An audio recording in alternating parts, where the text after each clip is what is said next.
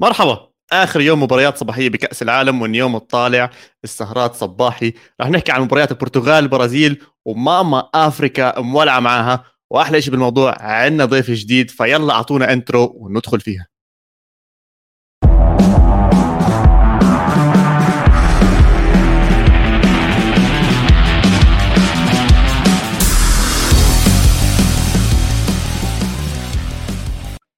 مرحبا وأهلا وسهلا فيكم باستوديو المونديال. حلقة رباعية. أربع وجوه قدامكم. كل واحد أحلى من الثاني كل واحد بحب كرة القدم أكثر من الثاني كل واحد عنده خبرته وأفكاره. بس بالأول بحب أستضيف وأحكي أهلا وسهلا لضيفنا إسلام. أهلا وسهلا فيك بأول حلقة بكأس العالم على استوديو الجمهوري إسلام. أهلا بيك يا عواد واخويا اخويا يوسف وعلي وأهلا بيكم منورينا وكل اللي بيتفرجوا علينا ومعاك طبعا الخبير. ولا بدي استنى انت كل يوم بتطلع بوست وما هوست سلم على الراجل يا عم. سلم عليه تمام خلص. لازم أسلم عليه. خلاص وصل وصل. في علي معنا راجل آه برضه أول حلقة إلي مع علي كمان وأنا كثير مبسوط بسمع حالي من أيام فورمولا كاست وأفكاره بحبها وطريقة عرض الأمور هاي كلياتها. بس كمان برضه بحلقته اللي طلع فيها لما حكى عن السعودية والأرجنتين أبهرني حبيتها كثير وبصراحة أنا كثير مبسوط إنك معي كمان اليوم. يا علي أهلا وسهلا فيك. حبيبنا عواد وأهلا وسهلا فيك ولي وإسلام. وطبعا إن شاء الله نطلع اليوم بمحتوى وتحليل جميل واضح انه الحلقة رح تكون حامية من أولها. أكيد. اتفضل ولو حبيبي. لا لا أنا ما عنديش حاجة بس إزيك علي؟ عامل إيه يا حبيبي؟ حبيبي والله يا ولو تمام الحمد لله. عواد غيران شوية يا جماعة إن أنا بهوست كل الحلقات شوي. المرة دي ودي عواد. هاي هاي هاي تقريبا أنا حلقة قبل ما أروح على قطر إن شاء الله غدا. ممكن بكرة حنعيش أجواء المونديال. مع الجماهير. ممكن بعدين أحطكم بالصورة أكثر كيف الدنيا عايشة هناك.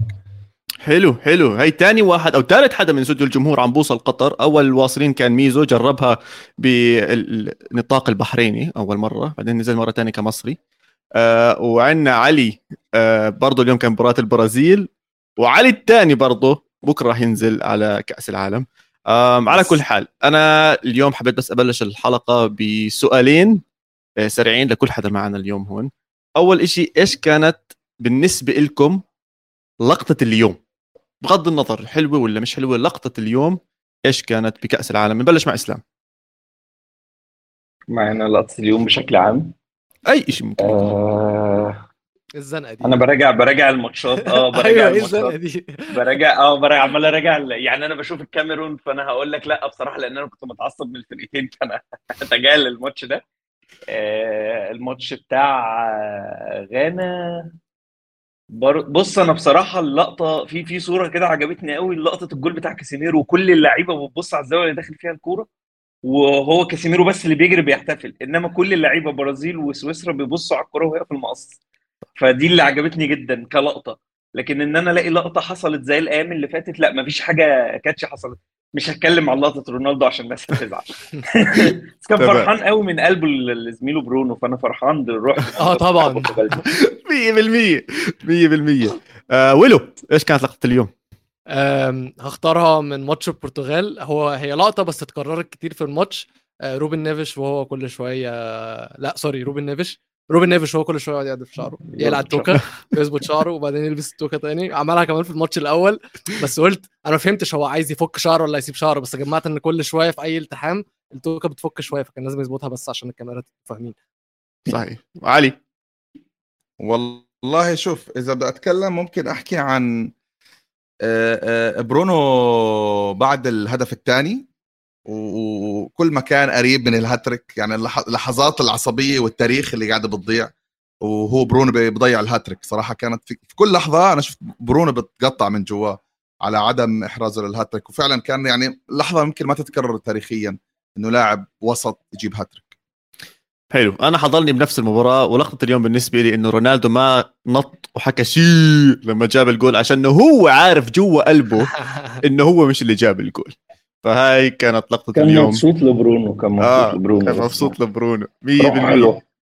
100% طب شوفوا أنا هاي تاني حلقة باجي فيها على استوديو المونديال وبتكون هي الحلقة الختامية لجولة أو خلينا نحكي للجوله الثانية من المجموعات خلينا نحكي. فخلال المجموعات إيش درس تعلمته بالجولة الثانية للمجموعات؟ وبديش أزنق إسلام بدي أزنق ولو ده انت رخم. كنت هقول لك علي أصلا عشان كان قايل لنا إن هو عنده آه، عنده حاجة عايز يقولها. جو علي. طيب خلينا أول شيء أحكي لك عن عن ظاهرة معينة في موضوع الفرق. يمكن مش بكأس العالم هذا صارت حتى من كأس العالم الماضي لكن الكرة شوي نوعا ما عم تتحرك باتجاه آه، كان عندنا منتخبات تعتمد على نجم واحد. هلأ ما بحكي لك لما بتكلم عن نجم واحد مثل نفس كريستيانو رونالدو أو ميسي اذا ما في نجوم في المنتخب غيرهم بس فكرة الاعتماد على لاعب واحد يخلص لك المباراة ويغير لك مجرى المباراة بلشت نوعا ما تصير أصعب على الفرق اللي بتتبع هذا الأسلوب. يعني عم نشوف مثلا ميسي مع مع الأرجنتين لأنه كل اللعب عليه فمش متحررين. أنت مجرد أنك أنت تسيطر على ميسي أو تراقب ميسي أنت خنقت كل المنتخب. حتى المنتخب ما بيحاول يفكر بأي حلول بديلة كل حلوله عن طريق ميسي على سبيل المثال. نفس الشيء عن كريستيانو رونالدو. لازم كل كرة تمر عن كريستيانو. الشغلات اللي بتخيل إنه وتكلمت عنها صحيفة ليكيب في موضوع فرنسا إنه كان من حسن حظ منتخب فرنسا إنه بنزيما ما كانش موجود لإنه حيطلب كل كرة. وهذا الشيء اللي اللي أنا ما كنت راح أحبه لمنتخب فرنسا لإنه منتخب فرنسا من 2018 كان منتخب ما بتعرف مين أفضل نجم كان بالمونديال الماضي كان كل نجم بتالق في مباراة.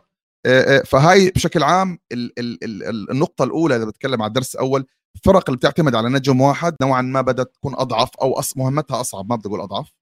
الشغلة الثانية إنه كنا متوقعين كثير فرق تنافس على على يعني من أول الجولة في المباريات في المجموعات إنه هذول مثلا فرنسا إنجلترا اللي شفناه بعد الجولة الثانية الآن قبل ما نبدأ بالجولة الثالثة في المجموعات إنه لا كأس العالم ما في كبير. أنت ممكن تكون قوي في المباراة الأولى وتغلب بنتيجة كبيرة زي ما عملت إسبانيا أو عملت إنجلترا وتنقلب الحال تماما فما ننغر باللي عم بصير بدور المجموعات لأنه حتى الفرق وشفنا كثير فرق بمنتخبات. تسع نقاط بالمجموعات طلعت من دور 16 من فرق جابت أربع نقاط. فمحد هذه اللحظة ما شفت منتخب بيقدر أكيد أعطيه نسبة أكثر من 50% نفوز بكأس العالم. أوف. 50% حلو بعد. طب. ما في. يعني إذا إذا يعني الترشيحات قبل كأس العالم كانت تتكلم إنه مثلا الأرجنتين وفلان على النهائي. مثلا. البرازيل والفرنسا لا هسه بعد اللي صار لا فعليا أنا ما شفت من يعني منتخب ساحق حتى البرازيل اللي هي البرازيل في المباراة حتى المباراة الأولى أو الثانية يعني في المباراة الأولى الشوط الأول واجهوا صعوبه مع منتخب صربيا يعني مش منتخب م. تصنيف أول والآن مع سويسرا برضه مش منتخب تصنيف أول برضه نفس الشيء كانوا بمأزق يعني ما فازوا بس بصعوبة رغم ترسانة م. النجوم طبعا م. نرجع نحكي على موضوع النجم الواحد يعني أنا بالنسبة لي برازيل من غير نيمار كانوا أفضل أوف. يس. رأيك يس. إسلام بالنجم الواحد؟ لا أنا أنا هقول لك أنا كان قبل البطولة ما تبدأ كنت كاتب تويته كده كنت حاسس إن البطولة دي تحديدا أي منتخب آه، كبير فيها آه، سهل يتهزق ومش بتكلم إن هو يخسر يتهزق يعني إيه؟ يعني يبقى داخل الماتش حاسس إن هو راكبه نفسيا بس لا مش هيحصل كده. البطولة الوحيدة اللي أنا حسيت فيها إن كل التوقعات هتضرب في الحيطة مني من قبل البطولة ما تبدأ. مش عشان حاجة أنا كنت في دماغي حاطط البرازيل وفرنسا والأرجنتين وممكن ألمانيا ومش عارف مين في دماغي. بس تيجي تبص في الملعب لما لعبوا أول جولة الواحد جاب ورا يا دوب البرازيل اللي لأ أنت آه طمنت شوية إن هو أنت تعرف تقول فرنسا مثلا بقلب جامد. لكن بعد كده تلاقي إسبانيا مسكت كوستاريكا. في العادي كوستاريكا ما تخسرش سبعة من إسبانيا. يعني هم كانوا وحشين بس ما يخسروش سبعة من إسبانيا. إسبانيا طحنتهم بيلعبوا بسيستم وبشباب جديدة. أنت يمكن معظمهم قدامه أصلا يلعب أربع بطولات كأس عالم جايين بعد البطولة دي. يعني عادي لأن هم معظمهم 19 18 20 سنة بالكثير فقدامهم لسه وقت. ف... فكان بالنسبة لي حتى يعني أنا شفت الحوار اللي هو بتاع ميسي مع فالدانو. كان قبل البطولة ما تطلع كان حوار كده نزل فكان ميسي بيقول إن كان بيساله فالدانو إيه اللي اختلف في الكورة قبل وبعد فزي كلام علي كده قال إن زمان كنت تلاقي إن الفرقة فيها اثنين ثلاثة بيحركوا الفرقة كلها والفرقة تعتمد عليهم اختراقات ومهارات حاجة شبه ميسي بس يبقى اثنين ثلاثة منهم مش واحد. كنت تعرف تلعب ميسي ودي ماريا ونيمار في فرقة واحدة مثلا. دلوقتي لا الفريق بقى كله تكتيكال وبيعتمد أكتر إن البطل فيه يبقى المدرب والخطة المحطوطة وإنك تشوف منتخب زي السعودية معظمه محليين هو كلهم محليين مفيش أصلا حد تقريبا محترف. رجعت دلوقتي في دماغي مفيش. فكلهم محليين ومع ذلك يمسكوا الأرجنتين اللي هم خبراتهم أعلى والمفروض اختلاطهم بالمدارس المختلفه والبطولات المختلفه وبطل كوبا أمريكا. 35 ماتش آه، قبل البطولة كان محقق نتائج إيجابية يكسبوهم. ف... فهي الفكرة إن خلاص إن الجو إنك تشوف لعيب واحد يعني ليفاندوفسكي في أول ماتش ضد المكسيك لوحده مش هيعمل حاجة وحط ضيع ضربه. جزاء. فيا دوب لما بقى في تحولات في ضغط من بولندا بقى في shape معين لبولندا ضد السعودية قدروا يكسروا ده ويكسبوا. ففكرة إن أنت هتقول لي إن لعيب واحد يعرف يعمل الفرق أو إن هو آه ممكن. يعني أنت ميسي لو نزلته ضد السعودية في نص الملعب ولو ميسي ده كان عنده 26 29 سنة يعني ميسي من ست سنين ك false nine أو إن أنت تلعبه صانع لعب زي جوارديولا ما عملها في ريال مدريد بتاع مورينيو وكسب خمسة هقول لك يعملها يعني هيعرف مم. يعملها. لكن الظروف بتختلف والسن بيختلف والمنافس بيختلف المنافس ما بيبقاش زي زمان. شفت الكاميرون وهي في منتهى العشوائية دفاعيا ومع ذلك سجلوا ثلاث أهداف عشان هجومهم قوي جدا. صحيح. فما صحيح. فيش جو إن لعيب واحد تعرف تقول هو ده اللي هيفرق مع منتخب خلاص. أنا بالنسبة لي الصراحة النقطة ممكن الدرس اللي كنت اتعلمته من ال group stages هو عامة في كأس العالم كله مش على بس دور المجموعات بس وهو إن عامل الأرض بيفرق جدا مم. جدا جدا. والجمهور فكرة إن هي في قطر فده مكان قريب للجمهور الآسيوي وللجمهور الأفريقي وللجمهور العربي. وشايفين الروح اللي الفرق دي الفرق العربية والأفريقية والآسيوية بتستمدها من جمهورهم. الأداء اللي هم بيحطوه الفرق دي في كأس العالم ده أداءات استثنائية ممكن ما يعرفوش يحطوها في كأس يعني في أي بطولات جاية وما حطوهاش في أي بطولات قبل كده. وده كله بيرجع للجمهور بسبب إن كأس العالم متنظم في بلد قريبة في بلد في النص. أنت بين آسيا بين أفريقيا مش عايزين أوروبا. حتى أوروبا حتى, حتى أوروبا قريب أوروبا لهم حتى أوروبا بس كفاية أوروبا. يعني صح. كفاية أوروبا. عايزين نشوف الفرق اللي خلينا نقول أضعف أو اللي مش من المستوى الأول بتقدم حاجة جديدة بتقدم حاجة يعني أنا بالنسبة لي كأس العالم ده بجد حلو قوي قوي قوي عشان محدش عارف يتوقع حاجة زي ما إسلام قال. صح. محدش عارف يتوقع نتيجة وعمالين شايفين مفاجآت وده من وجهة نظري يعني بيرجع بشكل كبير جدا جدا بسبب الجمهور. صحيح. أنا معك. ولا تنساش ولا بس بدي اقاطعكم بس بنقطة إنه قطر دولة جاليات ففيها طبعا عدد كبير من الجاليات ال- سواء للمنتخبات اللي مشاركه أو جاليات أصلا من دول مختلفة قريبة على هاي على هاي الدول. في كتير أوروبيين في الخليج العربي وكتير عرب وكتير أفارقة. صح 100% أم، أنا إذا في درس تعلمته فهو انه نظام التأهيل الأوروبي ظالم اللي حرمنا من إيطاليا اللي ما وصلت لكأس العالم هذا. لأنه بصراحة والله كأس العالم افريقيا إفريقيا عشان حرمنا من منتخب مصر. لو كده أنا 100% معاك. وأنتوا بتقولوا وأنت ويوسف بيقول لك الجماهير والجالية موجودة بتخيل كده منتخب مصر في دماغي وهو بيلعب والجمهور مالي الاستاد و... والله أنا اللي جه. في دماغي ماتش آه، هو ماتش الهلال كان في قطر ماتش الهلال والزمالك صح؟ الزمالك أمال الملعب كان متقفل وده الزمالك. ما- أمال لو مصر كانت بتلعب وفي كأس العرب شفنا. بس بس مش مش هخلي الموضوع له علاقه بمصر مش هتدخل في الموضوع ده. آه. فاللي تعلمناه إنه بدنا منتخبات أكثر إن شاء الله بكأس العالم وشكله هذا الشيء راح يتم الإجابة عليه ب 2026 فلوقتها بنتذكر بس على كل حال زي ما وعدناكم رح نحكي عن مباريات اليوم. أول مباراة رح نحكي عنها البرتغال والأوروغواي عشان هي أقرب واحدة بالزمن كمان وأكثر واحدة أنا متذكرها حاليا بمخي. المشكلة بجوز بالشوط الأول كانت بين قوسين مباراة مملة خصوصا بالشوط الأول بس شفنا بنهاية الشوط الأول هيك الأوروغواي دخلت وصار في خطورة شوي خصوصا من بنتنكور وميزو من الملعب طار عقله صار يبعث لنا فيديوهات من بنتنكور وأنا مش قادر أستوعب إيش اللي عم بيصير أصلا. أنا عم بحضر مين؟ زين الدين زيدان ولا بنتنكور اللي كان مع يوفنتوس هالك مخي وأنا بحضره. فلما دخلت الأوروغواي بالمباراة حسينا في منافسة بينت الأوروغواي إنها قادرة تكون خطيرة وقادرة إنها تكون تلعب ضد البرتغال. وأنا دخلت على الشوط الثاني متحمس والشوط الثاني بصراحة كانت مباراة ثانية وأظن أي حكي بدنا نحكيه على الأغلب على الأغلب يتمحور على آه، الشوط الثاني. وهون راح ندخل على السؤال الأول. دن دن دن دن. رونالدو لمسها ولا لا؟ ما لمسهاش وممكن لسه لسه شايف لقطة يا جماعة إن بعد ما الماتش خلص رونالدو راح للحكم وعمال يقول له إن هو لمسها لمسها عشان يحسب له الجون. بجد راجل, لا. راجل لا. تافه والله راجل تافه. نرجسي. إحنا إسلام حط- معانا النهارده يا جماعة و- في صف رونالدو ها و- ولا ولا حط حالك مكان اللاعب. تخيل إنه أنت عندك تسع أهداف مثلا في تاريخ في كأس أها. العالم أو ثمان أهداف وأنت هاي آخر كأس عالم رح تلعبها والرقم اللي رح تسجله رح يضل بتاريخك. مهم. من الناحية الشخصية اللاعب أكيد راح يعني راح يكفي عنده زاويه يعني شوف كل إنسان عنده زاوية شخصية بحياته. يعني ما فيني أقول والله بس بدي ألعب ل- ل- للمنتخب على راسي. لكن بدك تقنعني إنه كل لاعب بيلعب ما هدف ما ما عنده هدف شخصي من المشاركة. طيب طيب, طيب. رقم بده يكسره واحد. بس خلينا طب أنا أنا. أنا عايز أرد على دي تحديدا. أنا عايز أرد. على دي تحديدا. رونالدو طول الوقت بيرسم ان هو الملاك الطيب البريء اللي آه، مثل أعلى لكل الرياضيين وي وي وي وي. وبناء عليه الصورة دي بتبتدي تحاسبه بناء يعني أنا بحاسب اللعيب بناء على الصورة اللي هو راسمها. يعني لو ميسي طلع قال أنا ملاك فأنا هحاسبه كل ما بيغلط. لو طلع قال أنا أحسن لاعب في التاريخ أنا هحاسبه كل ما, بي ما يغلط في الملعب مثلا.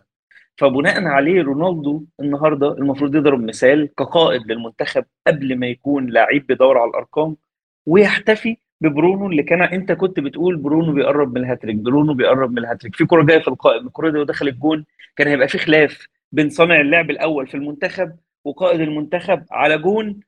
خلاص المفروض إن قائد المنتخب بطبيعة الحال يسيبه عشان أنت بتشد الفرقة بعيدا عن الكاميرات أنت بتزق الفرقة عشان عايز تكسب كأس العالم. ايهما أفضل وأكبر إن البرتغال تكسب كأس العالم ولا إن رونالدو يكسر رقم جديد هيفضل موجود في سجلات التاريخ كده كده. هو already راجل مكسر ال 700 جول. آه بس الضغط النفسي اللي, بي... اللي, اللي شوف طالما رونالدو بالملعب فكل الفريق رح تلعب على رونالدو. يعني انت لا إرادي اللعيبه بالنسبة لها رونالدو هو كابتن الفرقة رونالدو اللي احترامه. لا تنسى إنه في مثل أعلى للاعيبة كثير في منتخب البر- البرتغال كان رونالدو. يعني أنت في في وصل رونالدو كبر لدرجة إنه في أطفال كانوا بيحبوا رونالدو صاروا يلعب مع رونالدو. فأنت صعب تفصل ما هو ده proof ما هو آه. ده proof على النقطة. آه فهي الفكرة إنه أنا اللي بقصد لك اللي أحكي لك إياه إنه آه، وجود رونالدو بالملعب لا ارادي بخلي اللعيبه تلعب عليه. وجود رونالدو بالملعب آه، آه، آه، بي- بيعظم فكرة إنه هو حاب يصنع أرقام لأنه هو. كلاعب حاب يصنع أرقام. أكيد بده منتخبه يفوز. وأنت شفت كيف مثلا في لما كان برا على الخط وجاب رونالدو برونو الهدف الثاني آه قام واحتفل له. ما كان زعلان إنه طلع قبل بلنتي. بس بس في لحظات معينة وعشان نعرف رونالدو عظيم لأنه عنده هذه النرجسيه لأنه هو عنده هذا الحافز اللي هو دائما بتحدى اللي حواليه وبتحدى نفسه. تعرف أنت أكبر عدو للاعب بكره القدم هو الحافز. مم. كثير لاعبين زي رونالدينيو مثلا فقد الحافز بعمر 27 مهما حاولت تحكي له اكسر أرقام يقول لك أنا خلاص شبعت. فكرة إنه اللاعب يتشبع هون أنت قضيت على اللاعب. فصح هو إحنا كناس نتفرج على رونالدو يمكن في كثير ناس تكره هاي ال- الصفة في رونالدو إنه نرجسي نوعا ما وما بختلف إنه نر- رونالدو عنده نرجسية وبتعصب ما باص ما أجاله. أنا ما هحب إني أشوف رونالدو يعني لاعب في الملعب لو أنا مدرب بده كل كرة تمر عليه. لكن لا نعرف ما يعني ما ننكر إنه اللي صنع رونالدو العظيم هي هاي الصفة. بس ما هو هون السؤال هل هاي الصفة لازم تضلها موجودة معاه على كبر أيضا لما يوصل لهاي المرحلة كأنه قدوة عشان يضل يحقق الأهداف اللي بده يحققها؟ هل لو النرجسية شوي كانت أخف عند رونالدو كان شفنا برتغال أمتع وأقوى وما بيعتمد عليه بهاي القوة؟ دلوقتي لا. ولا عامة؟ لا دلوقتي طبعا على كبر يعني بعد ال... أنا ممكن لا، ممكن رونالدو- أرد على ولا ميسي راح يتغيروا بالنسبة لي. أرد على دي. أنت عارف أنت هنا هنا اللوم على رونالدو أو ميسي بصراحة أنا شايفه ظالم. لأن رونالدو مثلا معاه مدرب المدرب ده لو شيله كده وحط مثلا واحد زي جوارديولا مع فرقه البرتغال دي يتفرج هيلعبوا إزاي؟ ما حدش هيقدرهم. ما حدش. هيقدرهم. خط الدفاع إن هو يلعب بيبي اللي عنده 50000 سنة وما يبقاش شجاع كفاية إنه يدي فرصة للعيب زي ايناسيو أو اللعيبة اللي هم مدافعين أصلا already بيتراقبوا في كل حتة والناس عايزاهم وهيتباع الصيف الجاي الفريق كبير كده كده ففكرة إن فرناندو قاعد على الدكة وشه أحمر وحط دماغه في الأرض وفرقته مسيطرة في الملعب يعني ده ده الكلام ده وأنت فرقتك. أمال هتعمل إيه في دور ال 16 مثلا نقول لعيبة البرازيل هتعمل إيه؟ ده ده فرناندو سان- ده ده شخصية مدرب يعني ما فيش شخصية مفيش. فحتى لو كسب كاس يعني ساعة ما كسب اليورو يعني هم عدوا عدوا بتحسها بروح اللعيبه أكتر من إن هو عمل أي. حاجة ممكن تضاف ليه ك... كإضافة غير إن الفرقة كانت بتدافع كويس طب فرقة زي البرتغال دي تدافع كويس ولا تلعب بسيستم إيه؟ قدرات أنت عندك في الملعب كل حتى الارتكاز صانع لعب يعني لعيبة الارتكاز روبن نيفيز ده شويته بيصنع لعب فنفس الكلام على الارجنتين آه، إسكالوني آه، إيمار قاعد بيعيط على الدكة بره وفرقته كسبانة. فأنت بص يقول لك بص الضغط ضغط إيه يا معلم؟ أنت ده أنت مرشح تكسب اللقب. يعني أنت لو أنت مش هتضغط أمال مين اللي هيتضغط؟ لما معاك أغلى لعيب في التاريخ والتاني يعني أعظم أعظم اتنين في التاريخ هنا وهنا. وتقول لي ده قاعد وشه أحمر وحاطط وشه في الأرض وهو كسبان أوروجواي وخايف من أوروجواي اللي هي أصلا ما بتعملش حاجة غير إنها تدافع ما بتهاجمش. والتاني آه، قاعد خايف فأنا مش فاهم. يعني أنا مش عارف هم عايزين إيه. بص لو هنتكلم على البرتغال بالذات أنا متفق معاك في كل حاجة أنت قلتها على سانتوس تمام؟ مم. وأنا في توقعاتي قبل البطولة أنا كده كده داخل بشجع البرتغال فكنت عايز أشوفها إن هي بتوصل زي الناس كلها كنت عايز أشوف أرجنتين والبرتغال في النهائي تمام؟ بس بعيدا عن كل ده أنا كنت شايف إن هو مش المد... مش مدرب يعني عادي إن البرتغال تطلع عشان هو مش مدرب يعرف يوصل البرتغال كأس العالم النهائي ولكن لو هنقارن ده باليورو لو هنقارن مستوى كأس العالم بمستوى اليورو اللي كسبوها لو هنقارن ده بمستوى دوري الأمم الأوروبية فأنا متفاجئ من فرناندو سانتوس. بس الفكرة برضو إن مش هو اللي متألق مش هو مثلا اللي حاطط tactics عظيمة ولا هو اللي عارف يوظف اللعيبة كلها. اللعيبة دي مش محتاجة مدرب. اللعيبة مش محتاجة مدرب فعلا. وقادر تقدم على شكل انفرادي يعني شفنا اليوم برونو خيالي. برونو اللي عمله اليوم أيوة، ممكن level الطبلة. ما بيعملش ما بيعملش ده معانا. تمسك له الطبلة إيه ما أنا زعلان منه. اتقل عليه اتقل عليه والله اتقل عليه بس. لا بس عم بيلعب لعب ممتاز. حتى فرضا لما نزل لياو شفنا إنه بدور على الكرة وبده إياها وبده يعمل أداء وفي كانت تسديده له بدي أحكي شوي أناني فيها بس حبيت إنه عملها سحب عن الأول وعن الثاني بعدين سددها مع إنه كان بيقدر يلعب باس وي- ويمشي لعب أكثر هذا الأداء الفردي متاح وموجود عند البرتغال. بجوز ما كان متاح بنفس ال level لما كانوا باليورو. يعني بكفي إنه الهدف اللي فوزهم اليورو كان لقدر وهو لهلا مش عارف وين هو بيلعب أصلا إذا لساته بيلعب كرة قدم إذا بيعرف كيف جاب الجول. أصلا. ده ده ده بطل كورة بعد اللي بشكل غريب أنا مش فاهمه. يعني بالضبط. ده لعيب جايب يورو بطل الكورة. أنا مش عارف ليه. بالضبط. يعني تخيل أنت شوف الفرق بالانفراد على ال level ال individual level قديش تحسنت آه، البرتغال. بس في نقطة وأنا جد جعبالي دائما أناقشها وأفهمها وأحكيها بكرة القدم. ليش لازم المنتخب يتبهدل أو الفرقة تتبهدل عشان تلعب كرة قدم. ليش الأوروغواي كانت محتاج إنها تاكل جول وتتبهدل؟ عشان نشوف هذا ال- ال jump بالمستوى كثير عالي. إذا ما فاكوندو هذا مانشستر يونايتد هذا اللاعب اللي نزل. شو نزل عمل هذا؟ مش طبيعي. شغل الجهة اليمين تقول محرك. بيلعب ليش ما بيلعبش أساسي فرضا هذا بيونايتد أو بيلعب محل غلط. بعدين؟ آه ولادنا فعلا. بس إيه يعني نونيز صار يعرف يهدي الطابة. قبل ما كانش يعرف يهدي الطابة شفنا حتى سواريز لما نزل البيستوليرو ضيع فرصة لا بتضيعش. ورقم 10 اللي مستحيل أعرف أحكي اسمه أنا راح اشطب وشطب إذا بحكي اسمه. دي اب أبصر إيش هذا؟ دي أر- ارتيريسكا صح؟ ما بعرفش يعني. أنا إذا بدي أحكي إشي راح يطلع 100% غلط. هذا دي أريريستا. لعبها باس بدل ما يشوتها على الجول بس تخيل كل هاي الفرص صارت بعد ما دخول الهدف على الأوروغواي. هذا دائما نفس السؤال وهذا طالع من حدا بشجع يوفنتوس. ليش لازم أتبهدل عشان أبلش ألعب كرة قدم؟ الفرق اللي بتدافع. أنا أعطيك بس شغلة. زي لما بقرب ال deadline أيوه بالظبط والله. والله ما انت خسران جول. عندك أيوه أيوه أنت أنت لا نفسيتك شوف كنت لعي... ال- ال- اللي صار لما البرتغال جابت جول أصلا فرناندو آه، بقدم كرة قبيحة من أربع خمس ست سنوات. يعني هو مش مش اللي اللي سواه ضد البرتغال لأنه كرة أوروغواي أقبح. يعني هو مش لأنه البرتغال ممتازة. لا لا هو الفكرة إنه الاثنين لعبهم أصلا دفاعي. فلما زي شفت تتذكر مباراة سيميوني ومورينيو؟ كيف خسرت 0 0 هو بالوضع الطبيعي كان ممكن المباراة تخلص 0 متعة. 0 يعني الكرة تضل بالنص متعة كرة فاهم علي؟ ف... آه بالضبط. فهو الأوروغواي عندها يعني مدرستها من آخر عشر سنوات مع تباريز والآن مع مع ألونسو. آه، آه، بيلعبوا على نفس الفكرة 4 4 2 أكثر الكرة دفاعية بيلعبوا على المرتدات ومستدعي 90 مهاجم أصلا. ما ما خلاش يعني ما خلاش مكان لأجنحة. أنت انت في تقريبا مستدعي ست مهاجمين وكلهم مهاجمين صريحين يعني مش والله مهاجم تاني لا لا الست زي تبع الأرجنتين مستدعي سته بيلعبوا مكان ميسي. فالفكرة إنه منتخب الأوروغواي لما تأخر بالن... تأخر بالنتيجة هون البرتغال لعبت لعبها الطبيعي اللي هو بتجيب جول إذا جابت جول وبترجع. هي اللي سلمت الكرة للأوروغواي طبعا الأوروغواي بما إنه فريق خسران فيلا نخاطر. هل بيقدر أوروغواي بالأعمار اللعيبة الموجودة يلعب 90 دقيقة مهاجم؟ لا.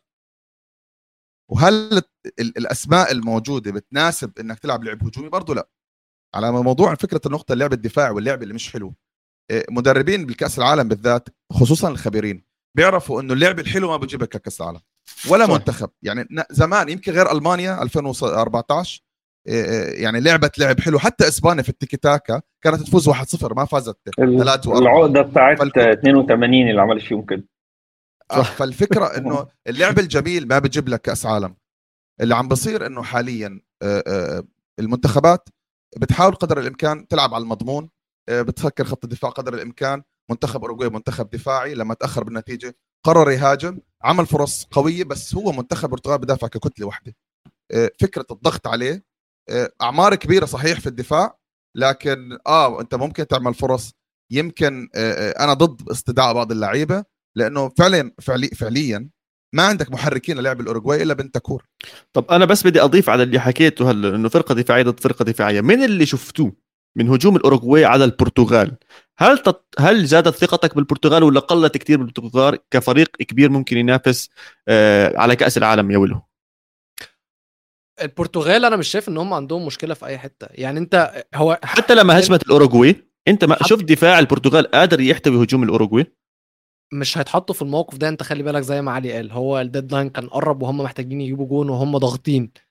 فهو الدفاع تمالك وما استقبلش أي جوان. وكانسيلو عمل كام كام block كويس روبن روبن ديش عمل كام block كويس فكانوا فايقين. أنا مش قلقان منهم. ولكن أنا بس عايز أطرح لسؤال تاني حاجة أنا خدت بالي منها في كأس العالم ده يا جماعة والسؤال ليكم كلكم. دلوقتي المهارة في كأس العالم مش هي اللي بتكسب كأس العالم ده. الروح هي اللي بتكسب. فهل أنتم متفقين مع حاجة زي كده؟ لو فريق مهارته قليلة بس روحه عالية قوي قوي قوي يقدر يروح لبعيد في البطولة دي أو أبعد من فريق مهارته عالية وروحه قليلة؟ أنا شوف بدي أحكي لك أول شيء مين اللي مهارته عالية؟ كثير البرازيل إسبانيا. فرنسا. فرنسا. تمام؟ الروح أكيد موجودة عند البرازيل فالسيناريو اللي أنت عم تحكي فيه ما أظنش يمكن تطبيقه على البرازيل سواء من ناحية مشجعين أو من ناحية اللعيبة روحهم جدا جدا عالي فرنسا م. أصلا أبطال وروحهم برضه عالية أنا أنا برأيي هذا لأنه صار كتير إصابات عندهم وحاسس اللعيبة عم بيلعبوا بيروح اللعيب اللي انصاب يعني هرنانديز عم بتحسه عم بيلعب آه. عن أخوه جيرو عم بيلعب عن بنزيما آه، اللي كامافينجا وتشواميني عم بيلعبوا عن بوجبا وكانتي. هذا الإشي كان عم بنبنى وعم بيكبر أصلا مع فريق فرنسا. كل إصابة عم بيشحنوهم من هاي الناحية. فأظن هدول المنتخبين واللي أنا برشحهم أكثر شيء لكأس العالم ما راح يواجهوا السيناريو اللي أنت بتحكي. السيناريو الوحيد هو إسبانيا. لا الجماهير واصله كثير بإسبانيا وشفنا امبارح حتى كجماهير حسناها هاجي جماهير خلينا نحكي جماهير أندية جايين تشجع البرشلونة أو جايين يشجعوا ريال مدريد أو الأسماء اللي موجودة على ارض الملعب أكثر هم جايين يشجعوا إسبانيا نفسها. أظن راح يواجهوا المشكلة أكبر وأكبر مع تقدمهم آه، بكأس العالم عشان بنهاية اليوم زي ما أنت حكيت الجمهور عم بيلعب دور كتير كبير. فإذا أخذنا سيناريو تبع إسبانيا آه أنا معك. إذا لعبوا ضد فرقة مشحونة خلينا نحكي فرضا المغرب مشحونين والملعب كلياته معبب بتوعي المغرب والسعودية. المغرب والسعودية لو لعبوا فرق كبيرة مش هقول زي مستوى البرازيل وفرنسا عشان دول حتة لوحدهم بس let's see إسبانيا. الفرق الفرق برضه موجود والفرق مش قليل بين إسبانيا وبين المغرب والسعوديه بس هل الروح اللي الجمهور بيديها للفريقين دول واللي عند الفريقين دول كمان يقدر تقدر إن هي تخليهم يكسبوا الفرق دي؟ تعطيك 10% تعطيك 10% يعني إذا كانت 70 30 لإسبانيا صارت 60 40 لإسبانيا. لا بس أنت أنت سألت سؤال وبتجاوب على نفسك أقول له يعني ما أنت طب ما هو ما هو ده الايدج اللي مدي اللي واخداه الجماهير العربية من البطولة في قطر. إن أنت مثلا في روسيا ما كانش عندك الفرصة إن المدرجات تبقى مليانة بالشكل ده أو إن الجالية اللي موجودة تبقى مع الجماهير اللي جاية فأنت لو الاستاد 80000 هيتقفل ليك.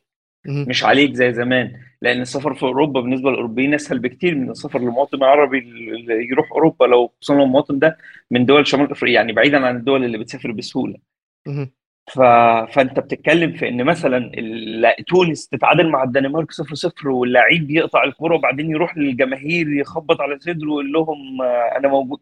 الحاجات اللقطات اللي بقت بتحصل من لعيبة في البطولة دي مش هتتكرر تاني. يعني هي هي مرة once in lifetime فدي الفرصة الوحيدة اللي موجودة للمنتخبات العربية قبل الإفريقية إن هي تلعب وكأنها بتلعب في أرضها كان كل منتخب بيلعب في ملعبه. فال edge بتاعك وأنت بتلعب في ملعبك أنسى بقى ال tactics انسى أفضلية الأسماء. انت انت كنت بتلعب ميسي وكسبان اثنين وعامل ريمونتادا على الأرجنتين. آه كنت بتلعب بلجيكا اللي هم ثالث النسخة اللي فاتت وكسبانهم 2-0 ومنهم مرتدة نموذجية بثلاث لمسات آه كنت بتلاعب كرواتيا اللي هم الوصيف وراس براس وتعادلت 0-0 فهي الفكرة في إيه؟ إن الايدج بتاعك حتى تونس ضد أستراليا لما جات لهم الفرصة يكسبوا بيها الماتش آه هم ضيعوها ممكن رعونه ايا كانت الأسباب بس كان عندهم فرصة يكسبوا أستراليا ووقتها كانوا هيبقوا مكملين عادي. ممكن تلاقي تونس بيلعبوا السعودية في الدور الجاي عادي كأنها بطولة كأس العرب. فهي الفكرة ال edge اللي واخداها المنتخبات أو الروح اللي أنت بتتكلم عنها دي بتيجي من الجماهير بتيجي تكمل للآخر دي بتبقى راجعة للعيبة بقى. 100% 100% أنا معك بهذه النقاط. طب قبل ما أسكر ملف الأوروغواي والبرتغال الأوروغواي لساتها بكأس العالم يا جماعة. عندها نقطة زيها زي كوريا وبعيدة فقط نقطتين عن غانا اللي راح يلعبوا ضدهم المباراة القادمة. الجولة الثالثة بالمجموعات أكثر شيء بخوف بجوز بالحياة. يعني لو في فيلم رعب بده ينحط بياخذوا المباريات هاي من كل مجموعة بقول لك حبيبي تفضل. هي رعب على horror. بشكل سريع علي حسيتك متحمس على الأوروغواي؟ وين بتشوفها بهاي المجموعة؟ والله أنا بالعكس صراحة مش كتير متحمس على الاوروغواي من أكثر ما أنا يعني خايف عليهم. آه، الاوروغواي منتخب شوي جيل قرب يخلص ما حاولوا يجددوا صراحة آه،, آه يعني هم ما حاولوا يجددوا ابدا بكثير مراكز. معظم اللعيبة الموجودين الجداد هم فرضوا نفسهم على التشكيل يعني لو لو أعطيت المساحة للمدرب ما بيستدعيهم آه، آه، تركيبة المنتخب مش ما عندهم خطوط كاملة من كل كل المراكز. مثلا بحراسة المرمى أو بالأظهرة ما عندهم. فكوريا يعني على سبيل المثال منتخب بخوف. يعني أنا شفته ضد ضد ضد يعني مثلا على سبيل المثال ضد أوروغواي في المباراة الأولى. آه، آه، اليوم ضد غانا كان في عنده مشكلة لكن كوريا عندها أمل بالنسبة لي إنه البرتغال ممكن ما تلعب بجدية تحافظ على معظم اللاعبين الموجودين وما بتعرف اللاعبين الموجودين ممكن يبيعوا المباراة أو لا. مش بمعنى الحقيقي يبيعوها بس ما راح يكون الأداء بقوة الأساسيين. آه، نفس الشيء عندك الأوروغواي وغانا مباراة فيها طار قديم. لعب أوروغواي الدفاعي هذا صراحة ما راح يخليهم يتأهلوا الدور الثاني. وما عندهم صراحة حلول كبيرة يعني أكثر الكرات تطلع من عند بنتاكور وأنت إذا عملت لاعبين بدنيين زي غانا إذا ضغطوا على بنتاكور بقوة انشل الفريق كامل. فبغير مع البرتغال يعني إذا بتوقع الشخصي بتوقع غانا. أوه حلو. شباب أفريقيا إسلام ويلو. أنا سايب الكلام لماتش غانا الصراحه Okay. Okay خلص. يعني لسه هنتكلم يعني غانا والكاميرون مش عايزين نكروتهم فأنا سايب الكلام أجله لفقرتهم. حاضر حاضر. طب عشان بس نوصل بدي بدي أعطيكم بس تعليق بسيط. أداء البرتغال بعد كريستيانو كان أحسن صراحة. وأوروغواي تأخروا بالتبديلات صراحة فهاي الأشياء ممكن تأثر على الجولة الأخيرة. ممكن تأثر على الجولة الأخيرة بس رونالدو هيلعب. ينزلوا فيه يعني؟ يعني, يعني ممكن اذا ما لعب بكريستيانو البرتغال لعب أحسن وممكن ال... ال... لأنه شوف في صار تغيير بالأوروغواي من المباراة الأولى للثانية. جديد مثلا من المباراة الأولى للثانية. ف... فالفكرة إنه ممكن المباراة الأخيرة على التغييرات اللي صارت نشوف الأوروغواي كثير أحسن فما ممكن زي ما حكيت آه من الآخر ما بنقدر ما بنقدر نبني قرار على مباراة. يعني ممكن البرتغال تغلب كوريا بسهولة لأنه كريستيانو مش موجود وممكن اورجواي بعد اللي صار آخر ربع ساعة مع البرتغال يدخلوا بتشكيلة تكون ادائها هجوميا أفضل ويفوزوا على غانا Okay. Okay. عشان نوصل لموضوع غانا لازم نمر على البرازيل أول ونحكي عن قيمتهم. اللي كسبوها بطلوع الروح وإسلام أصلا أعطانا العنوان تبع الفقرة هاي وهي البرازيل على الطاير يا إسلام. شو رأيك بالمباراة؟ احكي لنا عنها. أي نقاط معينة حابب تحكي فيها إحنا جاهزين؟ بص أنا أنا هقول لك تاني. هي هي معاناة البرازيل في الماتش ده كانت متوقعة. عشان هم ضيعوا يعني بص أنت أنت المنتخب اللي بيبقى راكب ماتش لما بيضيع الماتش بيتصعب عليه ال double يعني لو الماتش كان صعب عليك مثلا 50% بقى 100% صعب. وعندك أمثلة كتيرة أبرزها السعودية مثلا. السعودية لسه كنت هقول. آه لما بتضيع خلاص أنت أنت already جواك قرار آه لا الماتش مش بتاعي. يبتدي اللاعب يضيع أكتر يبتدي يتوتر أكتر. فينيسيوس ضيع فرصة ما تضيعش قدام آه آه جول سويسرا. أنا أنا توقعت إن هو هي هيجيبها. يان سومر شالها. فالفكرة إن إن هي إيه آه، البرازيل يعني الأداء ده ماشي. يعني الأداء ده يعدي. أنت في دور المجموعات بيبقى هدفك تصعد. الماتش التالت بيبقى خلاص هو بقى اللي هتستمتع فيه وهتلعب فيه. كسبته خسرته مش فارقة. حتى لو صعد تاني مش هتبقى فارقة له. هو عايز يخش على الإقصائية على طول وينجز بقى دور المجموعات ده. آه أنا شايف البرازيل لحد دلوقتي ما ما خيبوش توقعاتي من ناحيتهم. ناحية اللي أنا كنت متوقعه منهم على الأقل في دور المجموعات. إنه هيكسب الماتشين بتوع منتخبات أوروبا وخلاص هيخش ماتش الكاميرون مرتاح وده اللي حصل. آه إن اللي هيجيب اجوان عنده هيبقى على الأغلب على الأغلب يا ريتشارلسون يا فينيسيوس بس حبيبي كاسيميرو راح مدي واحدة كده على الطاير. إن أنا حتى في الماتش الأول قاعد بعد ما جابوا الجول ال tap-in اللي هو جابوه الأول قاعد أسأل والله كنت بتفرج بقول له بقول له بتفرج مع صديق ليا بقول له بقول له بقى معقول البرازيل جاية مش هتدينا جول حلو من اجوالها ما كملوش خمس دقايق كان ريتشارلسون حاططها على الطاير. النهارده نفس الكلام. قاعد بقول لهم بقول لهم طب ما فيش جون. جاب فينيسيوس جاب جون وضيعه. قلت لهم والله هيجيبوا لازم يجيبوا جون حلو. انت بتبقى قاعد تتفرج على البرازيل وعارف انت هتتوقع إيه منهم. فالمنتخب الوحيد اللي انت بتبقى يعني حتى لو هيخسروا بيبقى باين من اول خمس دقايق في الماتش. هتعرف ان هم هيخسروا خلاص. واضحين. بس جزء أكبر مفاجأة واللي أنا حابب أحكي عنها أكثر عن البرازيل خصوصا إنه دفاعيا كنتم متوقعين هاي القوة الدفاعية أو التكتيك الواضح دفاعيا حتى مع إصابة دانيلو آه، شفنا ميليتاو آه، عواد اطلع من شباب. يوفي تواك يا عم إيش يعني إيش مع مش اصابه دانيلو دانيلو استنى استنى في ماركينيوس ثانية واحدة بس انت لو سمحت. دفاع في ماركينيوس وتياجو سيلفا جاي تقول لي هيعطل عشان دانيلو مش موجود. حاولت والله يا جماعة. حابب أجيب سيرة يوفي على السريع عشان إحنا عارفين اليوم تم استقالوا كل الرؤساء وكل الشلة كلياتهم خلاص يعطيكم العافية دي بكفي. بسبب الفضيحة الجديدة بتاعت ال- البريزما ما فيش ما تزوير. الحسابات. لا لا. فيش منه هذا. ما صار. على كل حال البرازيل يا ويلو. دفاعياً. أنا أيوه دفاعيا. دفاعيا. وأنا أنا بجد متفاجئ يا جماعة. تياجو سيلفا ما بيكبرش. ما بيكبرش. لعيب عطاؤه لا ينتهي. ما ينفعش تقلق للحظة وهو موجود في خط دفاعك. فعلا فعلا تياجو سيلفا مش كمان مش بس كلاعب ولعيب تقيل كقائد. ما تقلقش خالص. وعلى فكرة على اليمين كان بيلعب آه، خلاص بعد ما دانيلو اتصاب ميليتاو. ميليتاو من وجهة نظري كان كويس. ميليتاو كان كويس. إيه يا عم انت في إيه؟ لعبها لعبها مع ريال مدريد قبل كده back يمين. فهو آه، هو آه. لعبه لعيب وجربها مع. البرازيل وجربها مع البرازيل. بس ما حدش كان متوقع أو أنا عن نفسي ما. توقعتش إن هو يكون أداؤه لأ كويس. هو ما يبانش إن هو واحد محطوط في مكان غير مركزه. لأ ما هو لأنه على فكرة ميليتاو أصلا في في مدريد كتير بيطلع. يعني عشان زي روديجير ما بيطلع بي- بيضرب في منطقة. الجزاء فالطلعات هاي موجودة. عنده بس خل خليني بس بس أحكي لك بس نقطة على موضوع المدافعين تياجو سيلفا لأنك أنت حكيت نقطة تياجو أنا بأمن إنه المدافع آه، آه، ما بيكون ممتاز إلا إذا المنظومة شغالة يعني. كثير مدافعين زي كانافارو مثلا كانافارو 2006 إيطاليا بعد شهرين كان في الريال طريقة اللعب اختلفت انكشف كانافارو مثلا على على على طريقة لعبه. المنظومة كانت تعبانة دفاعيا مدريد هذيك الأيام. ففعلا نزل مستوى كانافارو من أفضل لاعب بالعالم من أداء أسطوري من أفضل الاداءات الفرديه يمكن في في, في تاريخ كأس العالم. آه، آه، لمدافع جدا عادي. آه، موضوع تياغو سيلفا الآن سويسرا مش مقياس ما واجهوا هذا الضغط واللعيبة ال- المهاري اللي ممكن يمر. لأن أنت شفت تياغو سيلفا لما اجى سواريز في لقطة واحدة أو ما بعرف إذا كان ما خاب ظني كان تياغو سيلفا أو ديفيد لويز. في في في في لقطة واحدة في في دوري أبطال مع باريس كانت على تياغو سيلفا صح؟ اللي مر من بين رجليه أظن آه. آه، yes آه فبالرات بيجيك بيجيك لاعب اداؤه ممتاز لما يواجه ما- لاعب مهاري واحد لقطة واحدة غلطة واحدة جول هذا الكلام صار ب 2018 في بلجيكا مع البرازيل البرازيل كانوا ممتازين لقطة واحدة هازارد مر لما كازميرو غاب وكان فرناندينو أتوقع بيلعب بداله نعم. بالعادة اللقطة هاي بخلي كازميرو بيمسك اللاعب خلاه فرناندينو يمر تمام؟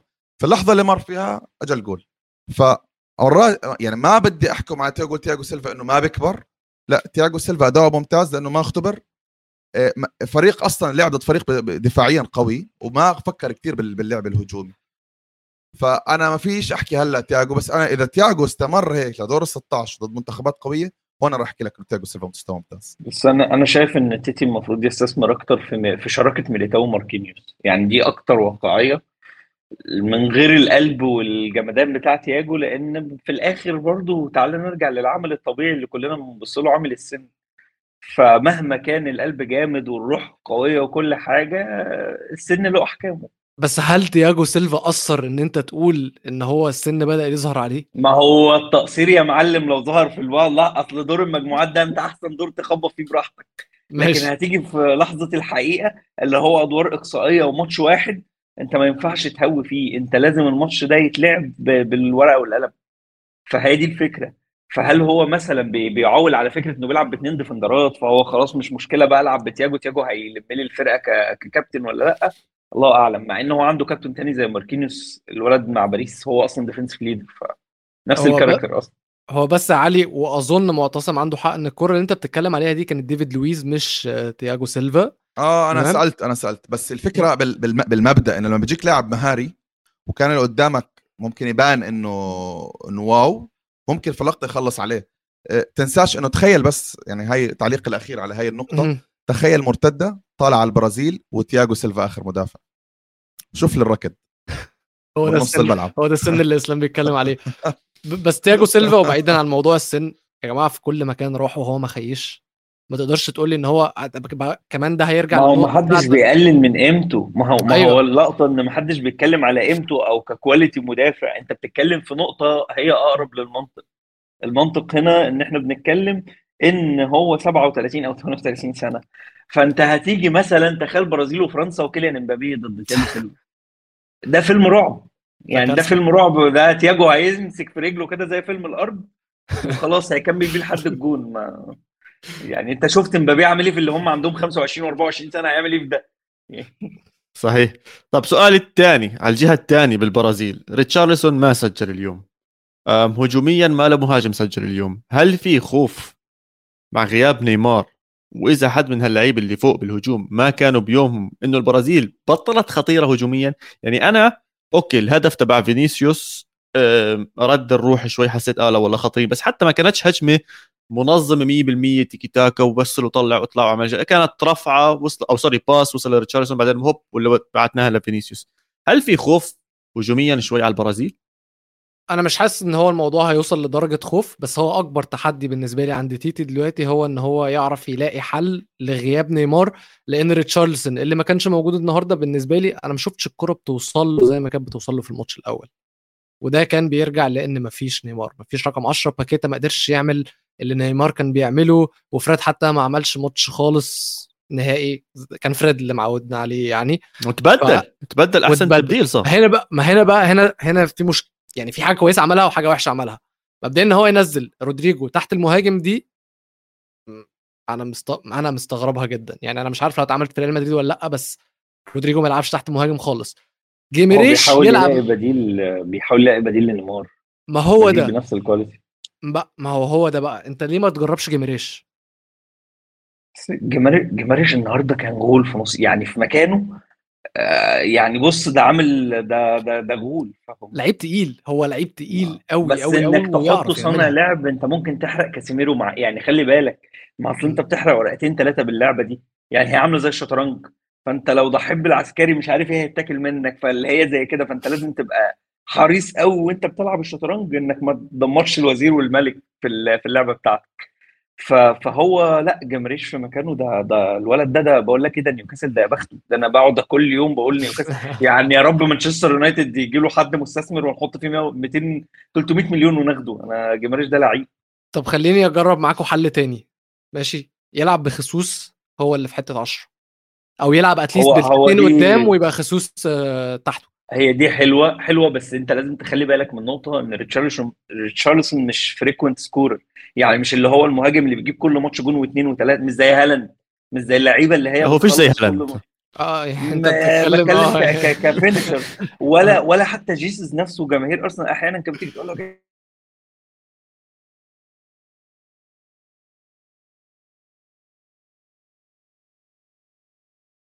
بيقف الماتشات بتاعت سويسرا والكاميرون دي لو عدت كده عادي دي, دي مش مشكلة بالنسبة المهم ما يعطلوش في المرحلة المهمة اللي جاية.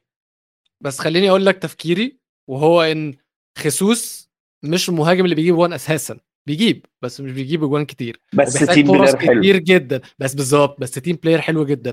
وهو هيعرف يساعد الفريق إن هم يوصلوا الكورة لريتشارلسون اللي هيجيب جون كده كده. ممكن يقعد من فرص كتيرة يجيب جوان ولكن هو أكيد هيجيب جوان. أعطيكم بس تعليق بسيط. أنا بالنسبة لريتشاردسون بيشبه حالة جيرو مع فرنسا. إنه أوقات المهاجم مش ضروري يجيب أهداف أكثر ما إنه يثبت المدافعين بيفتح مساحات للأجنحة آه، وجوده عامل كركبة في, قلب الدفاع للمها... يعني لل- للفريق المنافس. فأنا بالنسبة لي من الناس اللي كنت فرحانين إنه استدعاه على فيرمينو مش لأنه هو أفضل ك, ك... يمكن فيرمينو رقميا كان أفضل لكن الدور هاد مثلا بيفتقدوا منتخب الأرجنتين. جايبين خمسة زي خيسوس فاهم؟ يعني جايب مهاجم يعني جايب عناصر بتلعب زي خيسوس آه، مش مهاجم صريح مثلا اللي هو يعطل لك مثلا قلوب الدفاع. هاي اللقطات بيجيك فينيسيوس لقطة هدف الملغي لفينيسيوس كان سببها ريتشاردسون. انت ما هو هو. يمكن هو عمل ال assist وسبب التسلل كمان. بس شفت كيف سحب بس آه بس شفت سحب كيف سحب قلوب الدفاع وفتح المجال ل ل ل ل لفينيسيوس. نقطة. نقطة كمان مهمة. غياب نيمار أنا شايفه إيجابية للبرازيل من أي ناحية. خلي البرازيل تجرب نفسها بحلول غير نيمار. أنت ما بدك يعطل. مثلا انصاب نيمار دور الثمانيه شو بدك تسوي؟ طلع بالشوط الثاني من المباراه أنت من. إنه من الجيد للبرازيل إنه يخسروا نيمار على البدري. زي اللي صار هلا حيلعبوا مباراتين من غير نيمار خليه يجرب حلول حتى نفسيا للمنتخب. لو نيمار انصاب في نص مباراة أو على دور قبل النهائي عطل منك انصاب كرت أحمر شو ما كان. إحنا شفناها نفسيا ال- 2014 ال- ال- ال- أيوه أيوه. نفسيا المنتخب ما بنهز. زي ما إنك أنت بلعب نيمار متواصل كل الأهداف عن طريق نيمار ودور الس- أر- أر- أربعة أو دور الثمانية نيمار انصاب. الضغط النفسي والإعلام لا هسه لو انصاب نيمار كمان مرة وما كمل كأس العالم الأمور صارت نوعا ما معتادة للمنتخب. عشان هيك كنت أحكي لكم إنه من حسن حظ البرازيل إنه نيمار انصاب بدري وفكرة إنه هسه حتى لو شفت اليوم اللعب منوع صح الحلول كانت أصعب لأنه نيمار يعني مهاريا قوي بس شفت أنت كيف اللعب متنوع يعني ظهر برونو لو نيمار موجود ما ظهر. آه، شفنا فينيسيوس أكثر لو نيمار موجود ما ظهر. آه، آه، الكرات في نص الملعب شغال اللي منتخب منيح وهذا البرازيل لما أخذت كأس العالم مثلا 2002 ما كان رونالدينو أعلى أحسن لاعب. شوي رونالدينيو شوي ريفالدو شوي صح. رونالدو.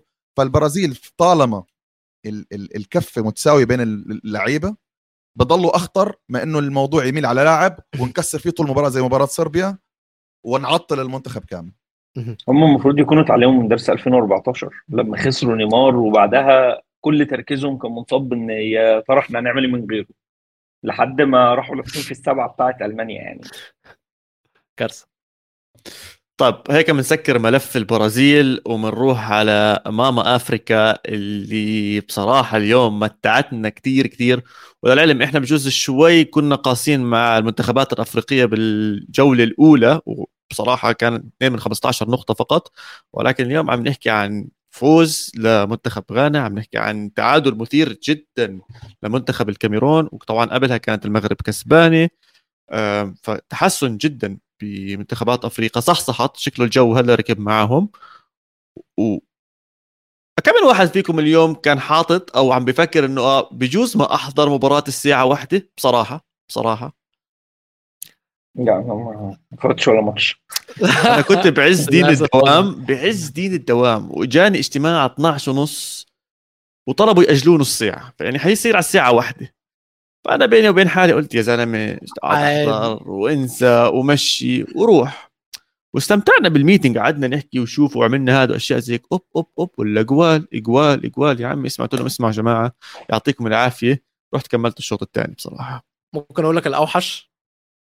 أنا اتفرجت على أول تلت ساعة من الشوط الأول وأنا بفطر كده أنا بصحى في الرايق. بعدين قلت إيه شكله هيبقى ماتش تمام هنزل الجيم وهيبقى شغال في الجيم هتفرج عليه. نزلت الجيم لقيته مش شغال. فقلت عادي. بعدين إيه هوبا هوبا notification في الثانية في الثالثه في الرابعة في الخامسة في السادسه بعدين رجعت بقى لميت كل اللي ورايا وقعدت أذاكر تاني عشان نطلع على البودكاست يعني وما نبقاش مقصرين مع حد. طيب آه منك مراجع وحاضر وإسلام مش مضيع ولا مباراة. إيش اللي صار بالضبط؟ عشان أنا من اللي حضرته أنا حضرت طبعا رجعت كملتها. فيش شيء اسمه دفاع. أنا كنت حتى بحكي لولو قبل قبل ما طلعنا على الحلقة إنه حسيت حالي بحضر الدوري الألماني وهي نكتة هيك داخل استوديو الجمهور أو داخل القارة. دائما بنحكي إنه الدوري الألماني فيه كثير أهداف عشان الجماعة خلص. بايعين الدفاع بقول لك اهجم واللي بيجيب أهداف أكثر هو اللي راح يكسبها فأنا هذا اللي حسيته بيلعبوا. بالمباراة. بيلعب بيلعبوا سلة بيلعبوا سلة 100% بص آه، هو للأمانة آه، صربيا والكاميرون دفاعهم شبه بعض بس الفرق إن دفاع الكاميرون عشوائي اللي هو مش. موجود يعني عشوائي يعني يعني أنا شفت النهارده في الجون الثاني أو الثالث بتاع صربيا كارثة مدافع الكاميرون اللي هو ال defensive leader اللي هو رقم ثلاثة مدافع الكاميرون اللي هو اللي واقف في القلب عشان يوقف الدفاع ويرصه رصة ال offside بيشاور لصاحبه لل back لل wing اللي جاي يقول له روح امسكه بدل ال wing ما يروح التسلل ويوقف الدفاع عشان ي...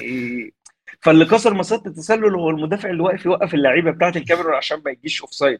وبعدها تلاقي لعيبة الكاميرون تيجي عليهم هجمة عارف أنت لعب الشارع لما الفرقة كلها راجعة تدافع وترمي نفسها قدام الكورة عشان الكورة ما تدخلش جون ففجأة تلاقي زحمة فالكوره دخلت ف- ففي المطلق كان ده طريقة دفاعهم لكن هجومهم هو بجد فجأة تشوبو موتينج بقى ميسي من ساعة من ساعة ما بدأ يلعب مع بايرن وبيلعب بانتظام واحد تاني خالص.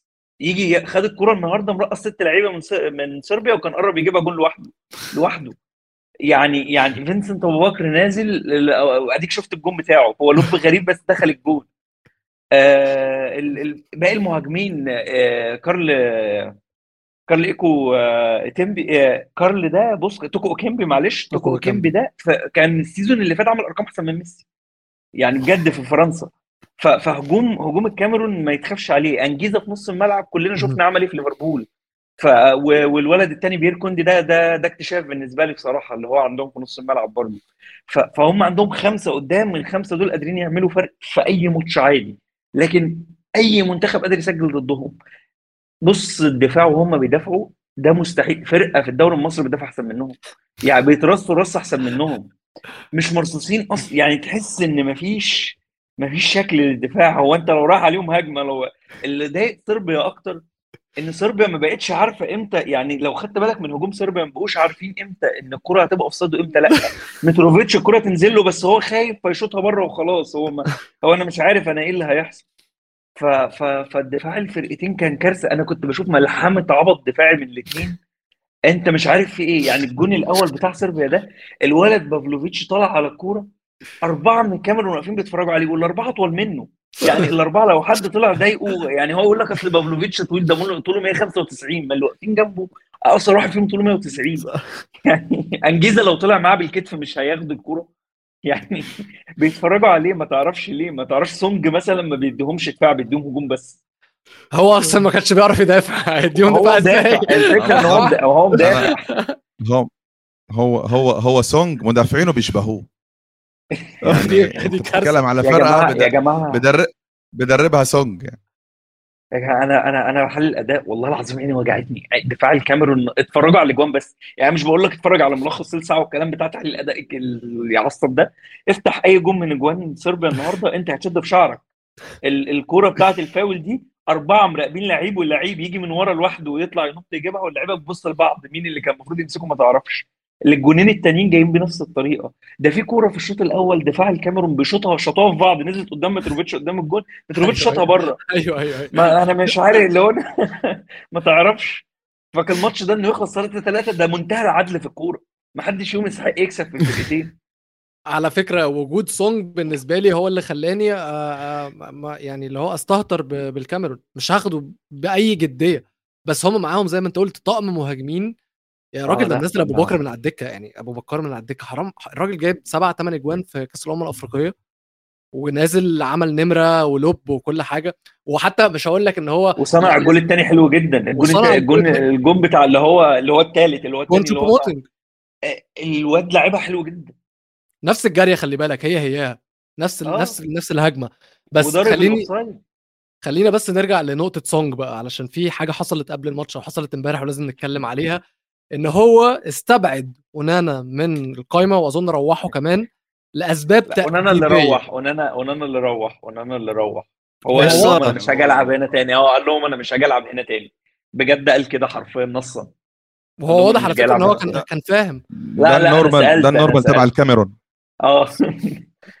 ده ال normal تبع الكاميرون. كل كأس عالم في عندك واحد بزعل طب إيش صار؟ إيش صار؟ بس أنا عشان مش. متابع بصراحة. آه، إيش صار أنا أنا اللي أنا مش فاهمه هل هل سونج اكتشف فجأة إن أونانا بيطلع من جونه ويباصي الكورة وي build up مع الفرقة وهو جول modern؟ يعني أنت جاي بعد أول ماتش في البطولة وقبل الماتش بليلة يعني ليلة الماتش اللي هو بتاع صربيا تتخانق معاه عشان هو تقول له ما تقدمش. طب ما تلعب الجون الثاني وقعده احتياطي. فخد القرار إن أنا هقعدك احتياطي أصل أنت ما بتسمعش كلامي فالولد ليه بقى وليه تقعد جون بيقف لإنتر ميلان احتياطي؟ كلمة منه على كلمة منه هزقوا بعض ايتو اتدخل في الموضوع. فكان الموضوع كبر بينهم فخلاص اونانا قال لهم أنا هلم شنطي وماشي. راح إيطاليا. ف... هو كمان هم عايز هو عايز الفريق إن هو يبني هجمة من ورا. يعني هو في الماتش ضد سويسرا لمس الكرة 61 مرة و26 مرة منهم كان بره الصندوق. وواضح واضح إن سونج بيقول له مفيش الكلام ده. ما عنديش أيوه بس الكلام ده. كان المفروض يحصل ليلة الماتش بتاعي. يعني بعد ما ما خسرت خلاص من سويسرا أقعد معاه أفهمه إن يا ابني أنا المدرب وأنا بقول لك واحد اثنين ثلاثة لكن ان انت تيجي ليلة ماتش صربيا تعمل كده، يعني انت كنت الثلاث أربع أيام دول اللي حصل فيهم إيه طيب؟ كان. بيتمرن على اي أساس؟ ما هو كده ما كانوش بيتمرنوا. لا لا كارثة. وأنا مش عارف هو آخر ماتش هيكون قدام البرازيل؟ نعم. أظن دي ما فيهاش مفاجأة يعني. يعني لو كأس بقى العالم ريتشارلسون يخلص الهداف من دور المجموعات خامس آه. يعني لو كأس العالم إحنا شايفين مفاجآت كتير دي مش هيكون فيها مفاجأة. أظن مستحيل يعني. ما أنا أقول لك شغلة بس آه، ولو. موضوع الكاميرون أول شيء أنا بالنسبة لي المشكلة اللي شفتها في الكاميرون من مم- المباراه الأولى والمباراة الثانية. إيتو حطهم تحت ضغط كبير. صح. هذا واحد. مش في المباراة ده مش آه، العالم طالع. بالعالي كثير أيوه. آه آه إيتو يا زلمه طالع حطهم يفوزوا كتير. كأس العالم. آه يعني أنت غلط. غلط. آه غلط. إنه أوكي حلو بتحب بلدك حلو بتحب منتخبك على رأسي. بس آه لا تحط يعني لا تحطهم في ضغط ضخم كتير وهم مجموعتهم مش سهلة يا جماعة. يعني أنت بتلعب مع سويسرا وسويسرا منتخب خبير بكأس العالم آه صحيح. مع البرازيل وحتى صربيا. صربيا ودت ودت برتغال ملحق. صربيا ودت برتغال ملحق وصربيا غلبت البرتغال في لشبونة. ف فمش منطق إنك تيجي وتطلب من المنتخب. لو انتبهنا على ال... في السعودية كان الموضوع معكوس. روحوا يلعبوا مرتاحين. إحنا إحنا مش طالبين منكم شيء. إيه، اللاعب دخل مختلف. فلعيبة الكاميرون والشيء اللي أنا ما عجبني بعد الهدف الأول الكاميرون الاحتفال المبالغ فيه بالنسبة لي كان نوع من الاستفزاز لصربيا. كل كوكب الأرض راح يحتفل في الزاوية تقريبا كل ده ده, الكاميرونيين في ده في المنتخب. كله نزل لو أنت بقى-. آه لعلمك لما جاب صربيا جول عملوا نفس الحركة برضه الاحتياط كلهم راحوا رد. احتفلوا بالجول ما أنا بقول رباني يعني- 3 3 دي فاللي صار إنه ال- ال- الاحتفال المبالغ فيه كان المباراه خلصت. يعني حتى كجماهير اللعيبه احتفال اوفر على هدف أول في في في بداية الشوط أو في الشوط الأول أنت قدامك كتير. أنت لسه معاك يعني شوط ونص تقريبا. دقيقه الفكرة اللي صارت بعد ما الكاميرون دخلت في فرحة الفوز صرحوا. أكلوا هدفين وأكلوا الثالث اللي صار صار بالعكس مع صربيا. ضمنت الفوز نظريا اللي دخلوا بمود إنه حتى لو تنتبه الهدفين أنت فريق فايز ثلاثة صح؟ مم. المفروض خط دفاعك وين يكون؟ تراجع ارجع. خط على قدام جماعة، بتاعك قدام التلت بتاعك. آه آه بالضبط. أنت عندك هدفين الثاني والثالث خط دفاع صربيا في نص الملعب. الجماعة طمعوا. الجماعة طمعوا برابع وخامس شافوا الموضوع ف... يعني شعروا انه الموضوع فتح معهم. ف آه، هاي الغلطة اللي بتصير لما منتخب أصلا دفاعي بيفكر برا الصندوق. يعني إحنا عشان هيك كنا بنتكلم على البرتغال لو قررت تلعب لعب هجومي بعدين شو ممكن يصير؟ ف ف ال... ال... ال... يعني صربيا دفاعيا بيلعبوا المرتدات حتى في كل مبارياتهم في التصفيات هم لعبهم دفاعي. فتحوا لعب وقرروا يضغطوا جابوا هدف ثاني وثالث المفروض هون رجعوا للعبهم الطبيعي. لا الجماعة تهوروا وتعاقبوا من الكاميرون بأهداف ساذجة هدفين كأنه الكاميرون صربيا هي اللي خسران ثلاث مش. العكس. تطلع على الاهداف أنا لما فرجتك نتيجه المباراة وشفت الأهداف بتقول مين أكيد صربيا خسران ثلاث وفاتحين لعب زي ما كندا صار فيها. صح. فاتحين لعب عشان آه ف... فأنا بالنسبة لي صربيا هي اللي خسرت حالها أكثر من إنه الكاميرون رجعت بأداء لأنه هدفين ساذجين لل... لل... أما دفاعيا الكاميرون بالأداء هذا ممكن توكل نتيجة تاريخية ضد البرازيل. إذا ما طبعا آه. عملوا مشكلة اللعيبة المدافعين مع الحكم واللعيبة مع بعض طبعا زي ما بصير معهم كل كأس عالم. مية مية في المية. بس أنا يا جماعة مش بس قلقان على دفاع الكاميرون أنا قلقان على دفاع غانا. غانا برضو نفس النظام عندهم مهاجمين بس تقال. عندهم لا لا بس غانا غانا قلبين الدفاع يعني غانا مشكلتها أو كارثتها الكبيرة في الباك اليمين. أربع صح. تجوان من الخمسة اللي صح. دخلوا فيهم صح. نفس الجون. راجع البرتغال ال through-ين بتوع برونو كان ضرب بيهم الباك اليمين. النهارده ال through-ين اللي اتلعبوا بص باولو سوزا ما عملش حاجة. قال لهم العبوا في ظهر الباك اليمين بس. نزلوا الشوط. الثاني كله كوريا بتلعب في ظهر الباك اليمين. لما الارتكاز نزل قفل الباك اليمين على كوريا خلاص كوريا ما راحتش. المرة الأخيرة اللي راحتها كان سون راح زود فيها وما ما كملتش معاه بس لو هم قدروا يقفلوا دي هيصعدوا. ما قدروش اورجواي هتنفخهم. آه، هيرمي عليه بالاستري في الحتة دي وخلاص. طيب ماشي معاك بس إسلام معلش الجونين التاني والتالت دول ما ينفعش يخشوا المدافعين نايمين جدا جدا لوحده ما هو لا. الخطفة الخطفة من الباك ما هي. الخطفة من الباك أنا مع. يعني مدا- المهاجم جاي من راجع الجون من بره يعني راجع الجون في الإعادة وشوفه تلاقي المهاجم جاي من بره لجوه هو عارف إن الكرة هتلعب كده حتى برضو في البرتغال البرتغال الكرة ملعوبة من بره لجوه مش مش العكس يعني دي مش كرة عرضية ثابتة فأنت تقيس عليها قلبين الدفاع أنت تقيس عليها system الدفاع كله واتضربت من ثغرة عاملة إزاي؟ فالثغرة اللي أنت اتضربت منها هي ثغرة الباك اليمين. الباك اليمين بتاعهم كارثة. أنا ما أعرفش أنا ما أعرفش هو إزاي ما بيبقاش هو ده لمتي، موجود صح؟ في كل موقف.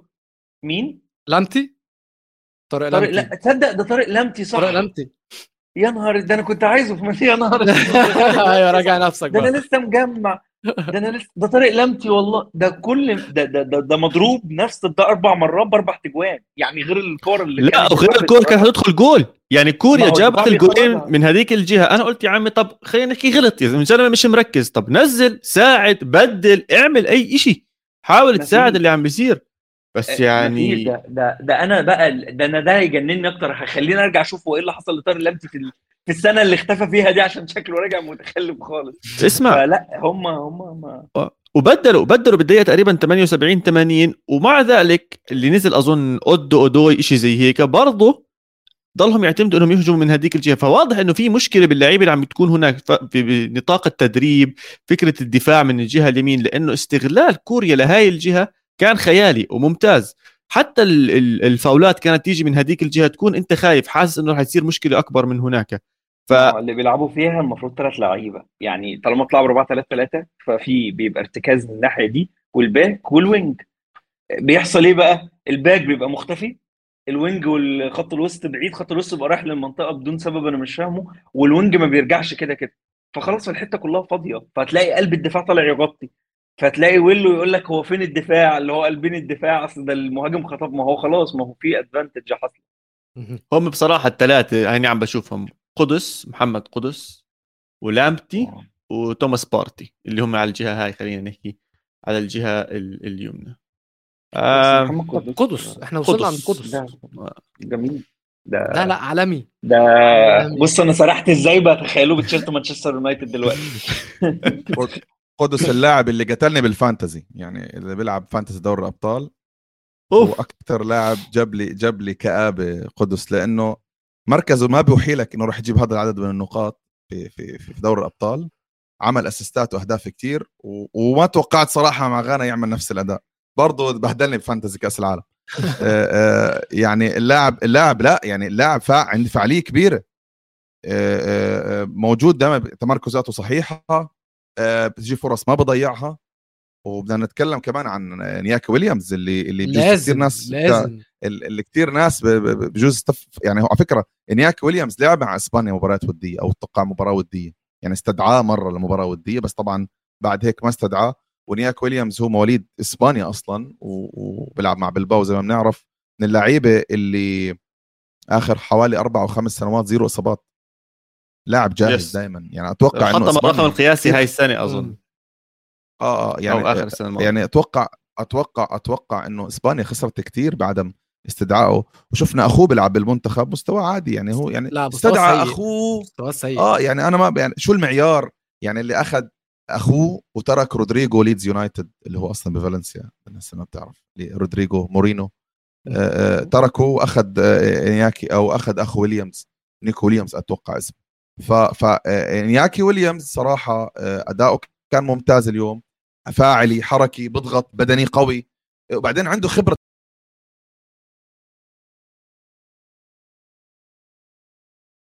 بعتذر عن إنياكي الموضوع ده. ويليامز طول عمره آه آه، لا لا it's okay اللي صار أعتقد إنه إنه ك ك كويليامز تأسس صح وعنده المفاهيم الصح ولاعب محترف. وبيحتاج المن... يعني المنتخبات الأفريقية لعيبة بهاي العقليات يعني هو حتى عقليته احترافية طبعا. من ناحية حتى محافظته على جسمه من ناحية من الناحيه البدنية. فأتوقع مكسب كبير لغانا يكون عندهم لاعب زي قدس الآن اللي هو آه، آه، برز هذا العام مع أياكس والآن ويليامز معهم بكأس العالم وبارتي أتوقع هذا الموسم مع مع أرسنال رجع لمستواه. ففي عندك مجموعة من اللعيبة آه، نوعا ما طلعوا طلعوا يعني وصلوا ال peak تبعهم في الوقت المناسب قبل كأس العالم. و- وأنا بالنسبة لي من أنصار جدا إنه كأس العالم صار بهاي الفترة من الموسم مش في الصيف.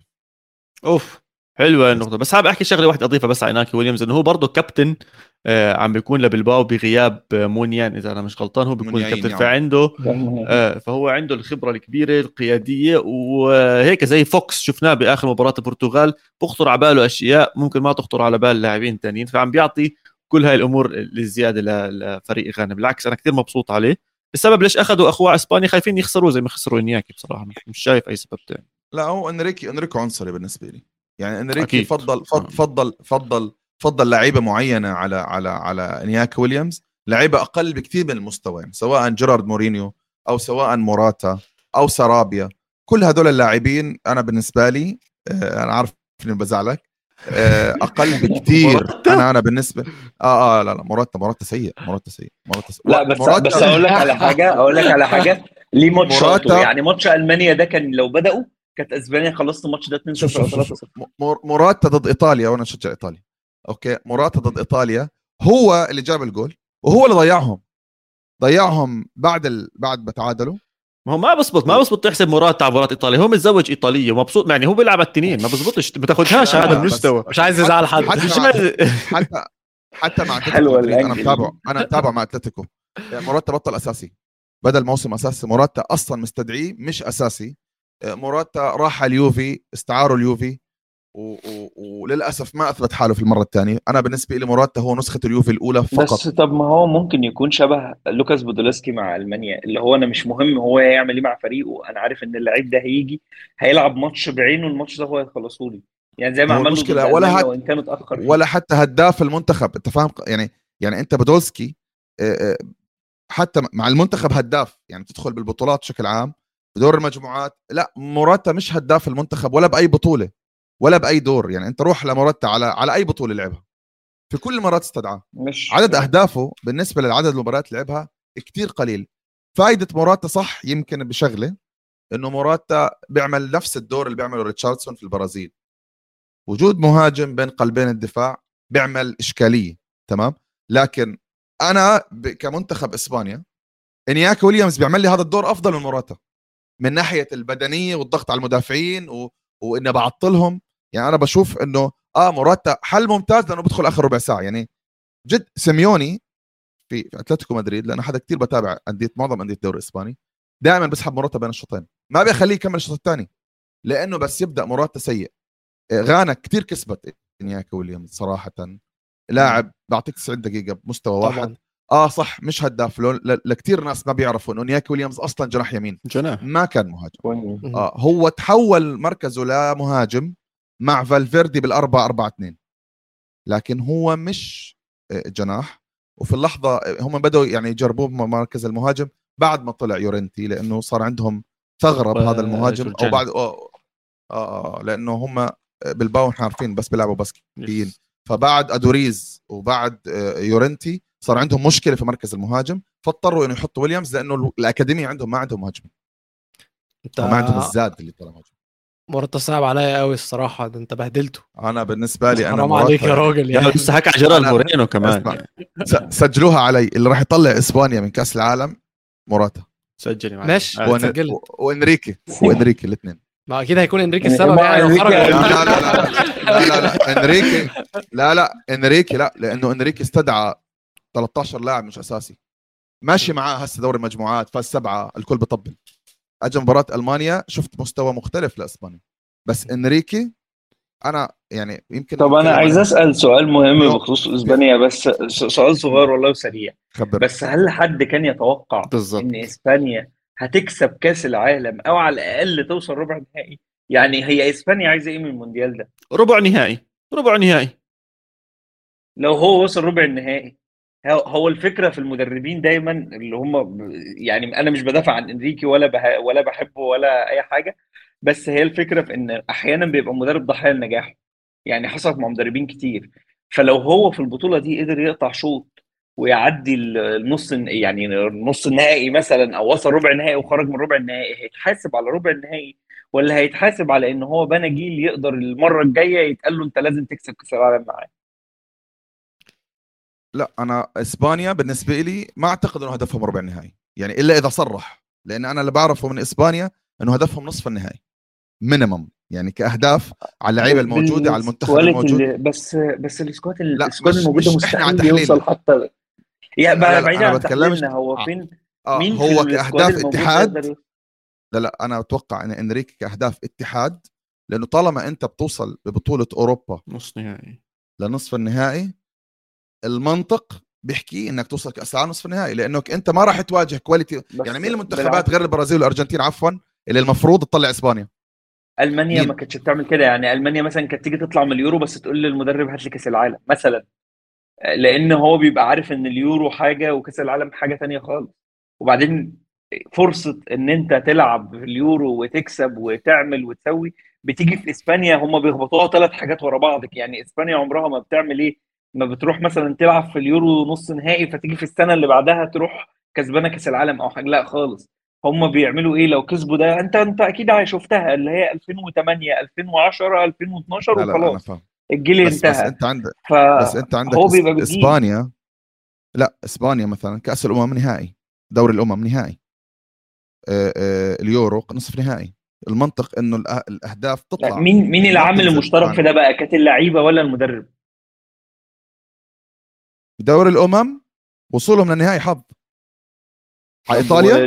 لو بتنعاد المباراة ألف مرة. تعرف؟ ألف مرة. واليورو. يعني أنا أنا مستعد أدفع راتب أنريكي سنة. لو بتنعاد المباراة ألف مرة. تمام؟ ما بتفوز إسبانيا على إيطاليا. يعني آه، آه، صارت أيوة. أشياء آه. الطرد اللي صار الطرد اللي صار الظالم بالنسبة لي آه، ما ب... إسبانيا كانت يعني إسبانيا واصلا آه، إيطاليا ومتأخرة بلاعب آه، جابت جول وكان ممكن تجيب هدف ثاني فبالنسبة لي انريكي عامل أداء. أنا ما بحكي لك انريكي تعبان بس انريكي عنده حتة شفت ال overthinking تبعت جوارديولا؟ هي اللي عاملها برودريجو برودري. أنا أنا أنا في ماتش. ألمانيا وفي ماتش كوستاريكا كنت بقول لهم إن أنا شايف برشلونة بتاع جوارديولا بيلعب. فكرة إن رودري نازل عشان هو يبني اللعب فكرة إن اثنين صناع اللي هم جابي وبدري ينزلوا لحد منطقة الجزاء عشان يمتصوا ضغط ألمانيا فيعملوا transitions بالكورة. وبعدين هو عنيد لدرجة إن هو في إيده يلعب الطويلة لداني أولمو أو موراتا وهيروح يجيب جون. فلا ده أنا لازم أمشي على الأرض وأمشي بالباترن بتاعي وأكمل الباترن للآخر. أنت أنت, شايف ال touch ال- ال overthinking اللي هو عامله أنريكي؟ ملاعب لك رودري قلب دفاع وأولمو. false nine ال- الفلسفة هاي هي اللي راح تضيعهم. بس ما يعني هم لو بيلعبوا هي- طبيعي- شباب. يعني يعني تخيل باليورو بلاعب خلي، جيرارد. آه، جيرارد مورينو اللي هو مفروض إنه قلب هجوم. شو كان يعمل فيه؟ جناح يمين. يعني لا لا أنت شو بتسوي؟ أنت اتفق انت هو بيخترع أشياء مش موجودة في اليورو. يعني في اليورو الماضي اخترع اخترع لعيبة ومراكز بس جيرارد علي- مورينو مهاجم أبطأ مني فاهم؟ بتلعبه جناح يمين بي- بيرفع لموراتا تخيل طب, طب على فكرة جيرارد مورينو طوله يمكن متر و90 ترفع بخليه يرفع لموراتا ليه؟ طب إذا جيرارد مورينو بده يرفع جر... ليش بدخله؟ ما عندك 90 لاعب يرفع. إنريكي بالنسبة لي اللي قاعد بيسويه حاليا ما اجى منتخب كشف ال- يعني هدف ألمانيا أو التعادل بسبب إنه رودري بقلب الدفاع. لا بس برضه الهدف إذا أنا مش غلطان صار بعد بعد التبديل على طول ولا أنا غ- ولا لا؟ برضه تبديل بالدي اللي ما بنفهم ليه دخل. دائما أنا عشان هو آخر التبديلات. قلب يا جماعة لا هو هو بيبقى فيه اللعيب اللي في سن معين يعني اللعيبة في لعيبة لما بتكسر السن كده وبيبقى خلاص هو بتبقى حسب القياسات البدنية بتاعته فهو اللعيب ده آخره يديك 60 دقيقة بالشكل اللي أنت عايزه اللي هو إن ألبا يخترق لحد منطقة الجزاء ويلعب ال over اللي بيجي منه جون كل ماتش ده ده بيبقى ليه تكاليف كتيرة جدا جوه الملعب مجهود بدني باقي الفريق فهو كمان بيبقى. ألبا خارج بيبقى جايب جاز. أنا بشوف ألبا بيبقى خلاص منتهي مش شايف قدامه. أنا معك بس أنا. كان قصدي بوقت التبديل والمرحلة اللي كان فيها اللعب بجوز كان أفضل لو أخر شوي التبديل أو بكروا بدقيقة يعني فهمت إيش لو قصدي؟ ما هو مش هيخاطر يتصاب إصابة عضلية. ما هي اللقطة إن هو. يتصاب إصابة عضلية فهيغيب. تعليق بسيط بس تعليق بسيط. هو قلب تشك... مراكز كل اللاعبين. اجى عند بالدي ولعبوا بمركزه يعني يعني يعني هو حاطط رودري قلب دفاع لا، وملاعب لا الموضوع مهاجم. الموضوع شخصي كده مع إنريكي آه، جدا يا. ابني هو علي لا لا لا أنا- أنا أنا أقول لك يعني هو كان ممكن يلاعب الراجل لاعب. لعبوا لك back شمال زي ما هو مش عاجب لو آه، لا، لا لا مش هيك. قصدي قصدي أنت بتدخل ولد عمره 19 سنة ضد ألمانيا في مباراة مصيرية يعني في آخر ربع ساعة وألمانيا أنت فايز على المانيا 1-0 يعني بتدخل بالدي في مباراه يعني كوستاريكا ماشي. النجوم. مولر مولر آه بس لا 19 لا انت سنة أنت حركة زي هاي في دور ال 16 بتطلعك من البطولة. معنى هاي بس الفكرة. أو ممكن تخليك تكمل. ما بدري كان 17 سنة وهو بيلعب final يعني ما يعني في حاجات بتمشي وحاجات لأ. آه بس دور دور المدافع حساس. يعني المدافع ممكن يخ... يعني ممكن يطلعك من البطولة بخ... ب... ب... ب... ب... ب... بلح... بلقطة الصرح يعني إذا صرح بلقطة ممكن يطلعك من البطولة. أنا بس الفكرة اللي بدي أحكيها إنه إنريكي كان عنده حلول أفضل من إنه يعني يلاعب بالدي في التوقيت اللي ضاغطة فيه ألمانيا على إسبانيا وضايل الوقت تقريبا تقريبا على فكرة أنت بس عشان تكون بالصورة مشكلة أخرى شخصية بينه وبين إنريكي إنه جايا أيوه جاي جاية. اتصاب اتصاب لا ما انصب هو. اللي جايا ما كسر انصب هو اللي كسر جايا ما انصب لا لا لا لا جايا ما انصب لا لا جايا ما انصب أمال. جايا أيوه اجى التواء بسيط الأطباء في الاتحاد الإسباني قالوا لإنريكي إنه بيلعب. بس راح يغيب عن مباراة كوستاريكا. راح قال لا أنا حجيب أبو 19 خلي أبو 19 في إيدك. فهمت علي؟ اللي صار إنه لما رجع على فالنسيا لما رجع على فالنسيا أول تشخيص من أطباء فالنسيا قالوا هذا بيلعب مباراة كوستاريكا حتى. والمدرب إنريكي في التصريح الصحفي قبل مباراة كوستاريكا قال أنا زعلان على اللاعب بس اللي استشرتهم حكوا لي إنه أفضل إنك تستدعي بداله حد. طب ما هو ما هو يعني- طب ما انت بتقول هو اللي استشارهم ما هو استشار مين؟ إذا الدكتور ما هو- الدكتور قال لك لا لا يلعب. استشار مين؟ هو هاي, هاي العنصرية اللي عند أنريكي. هو بده حجة عشان يستدعي البرشلونيين فهمت علي؟ هو هو علي جارسيا. علي آه. متضايق قوي من خسارة إسبانيا من إيطاليا اللي هو خلاص. أي حاجة. يا عم مش فارق. انا إحنا الحكي ما بيفرق. يعني. إحنا أبطال أوروبا إحنا أبطال اوروبا يا حبيبي الله يرضى عليك. ما, أخذوا البطولة يعني هم فازوا على إيطاليا وبالاخر خسروا نهائي الدوري الامم الاوروبيه بأحلى طريقة ممكنة من فرنسا اللي أنا أيضا أيضا ما بحبهم ولا بشجعهم بس جا يعني جابوا لنا حقنا في فر- فرنسا في نهائي دوري الأمم وهيك هيك طلعناهم في في اليورو وأخذنا الكأس. فبالنسبة لي يعني مش مش آه، هالإنجاز العظيم. لكن علي أنا بشوف تغلبش حالك هي إسبانيا أربع سنين 2008 2012 وهي كل تاريخ بأربع سنين. طب خلص بنمشيهم إحنا. إحنا في هم هم 2025 ممكن. يعملوا اربعه جديدة يعني هم ممكن يعملوا اربعه جديدة. لا لا لا أنا أنا بال بال بالأسماء الموجودة هم أكيد في لا. ال- ال- الجيل اللي مر صعب يمر جيل بقوته لأنه صدقا مش بس مستويات لعيبة مرت على منتخب إسبانيا بكل الخطوط تمام؟ حتى حتى يعني شخصيات. يعني وأنا برجع بنقول إسبانيا راح يكون لهم مستقبل أكيد. المفروض إنهم يعملوا أداء منيح في البطولة هاي. لكن بعض التفاصيل البسيطة هي اللي بتفرقك إنك تفوز بالبطولة أو تخسرها. وبتخيل هاي التفاصيل البسيطة ممكن إنريكي ما أخذ باله منها ببعض اللاعبين اللي ما استدعاهم زي راموس اللي ممكن تحتاجه بهيك ظروف ضد ألمانيا. براسية ممكن يخلص لك مباراة. رودريجو مورينو ليدز يونايتد. مبدع هاي السنة مع مع مع في الدوري الإنجليزي. آه، وعندك كثير من اللعيبة التانيين اللي ما استدعاهم أصلا واستدعى عليهم لعيبة احتياط. شيء جيد إنه هو بيراهن على لعيبة ما بيلعبوا عشان يدخلوا يقاتلوا في الملعب وعشان يثبتوا للناس إنه اختياره صح.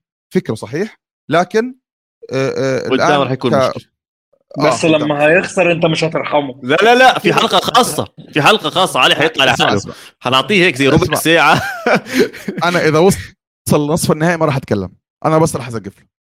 مش ع... أنا بقول نصبر عشان أنا شايف الفرقة حلوة يعني فاصبر. حنطلع شفته من. كيمستري إن شاء الله.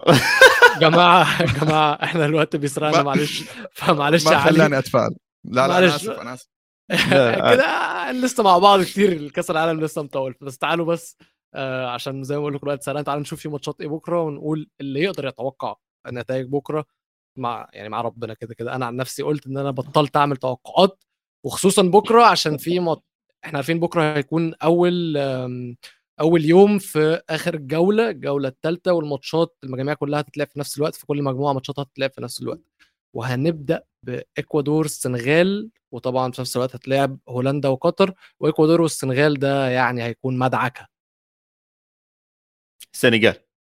2 1 إكوادور. أنت بتتوقع؟ أنتوا بتتوقعوا كلكم؟ آه خلص تمام. على السريع. أنا حاسه أنا حاسه أنا حاسه هيخلص تعادل. تعادل تعال نشوف مين لو؟ خلص تعادل لو خلص تعادل إكوادور. إكوادور. لا. تصعد. آه أتوقع يخلص تعادل يعني آه يعني مجرد توقع.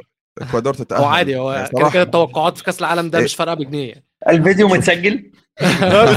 هنمسح بقى هنمسح الحاجات دي إحنا الثلاثه بعد لا لا الإكوادور لأنه صراحة مستواها ضد هولندا كان آه، ثابت يعني السنغال آه، نزل مستواها ما- ما كانش مستواها تمام مع هولندا.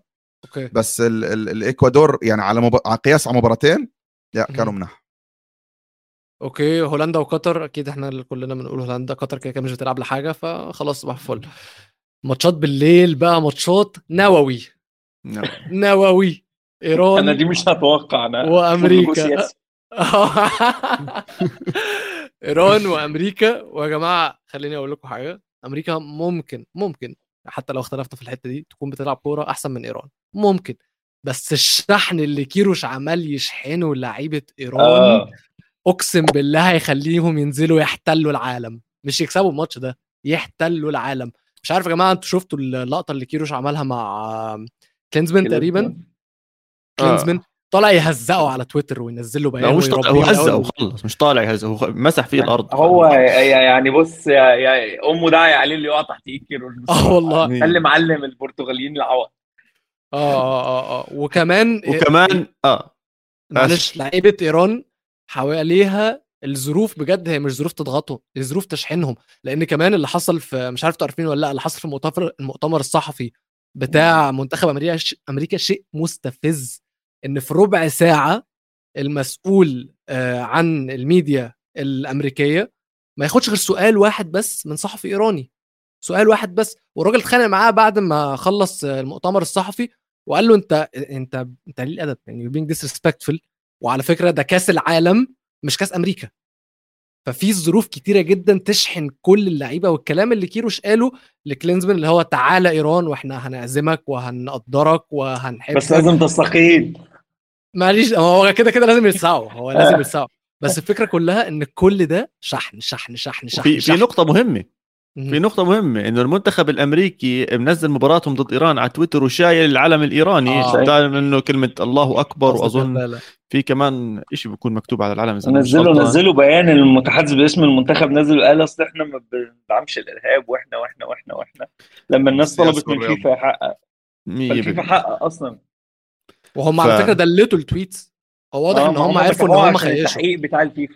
آه. التحقيق بتاع يغرمهم فهاي برضو عم تشحن اللعيبة. وأنا بصراحة اظن هاي المباراة راح تنزل على مستوى المدربين. إذا بدك تقارن كيروش ببيلت هار ولا بيلت أبصر إيش اسمه هذا الثاني تبع بالهارت بالهار تبع أمريكا. أنا راح أروح باتجاه كيروش وراح أختار إنه حتكون الخبرة موجودة. ننساش إنه تعادل برضه لإيران آه، بيعطيها ال- التأهل.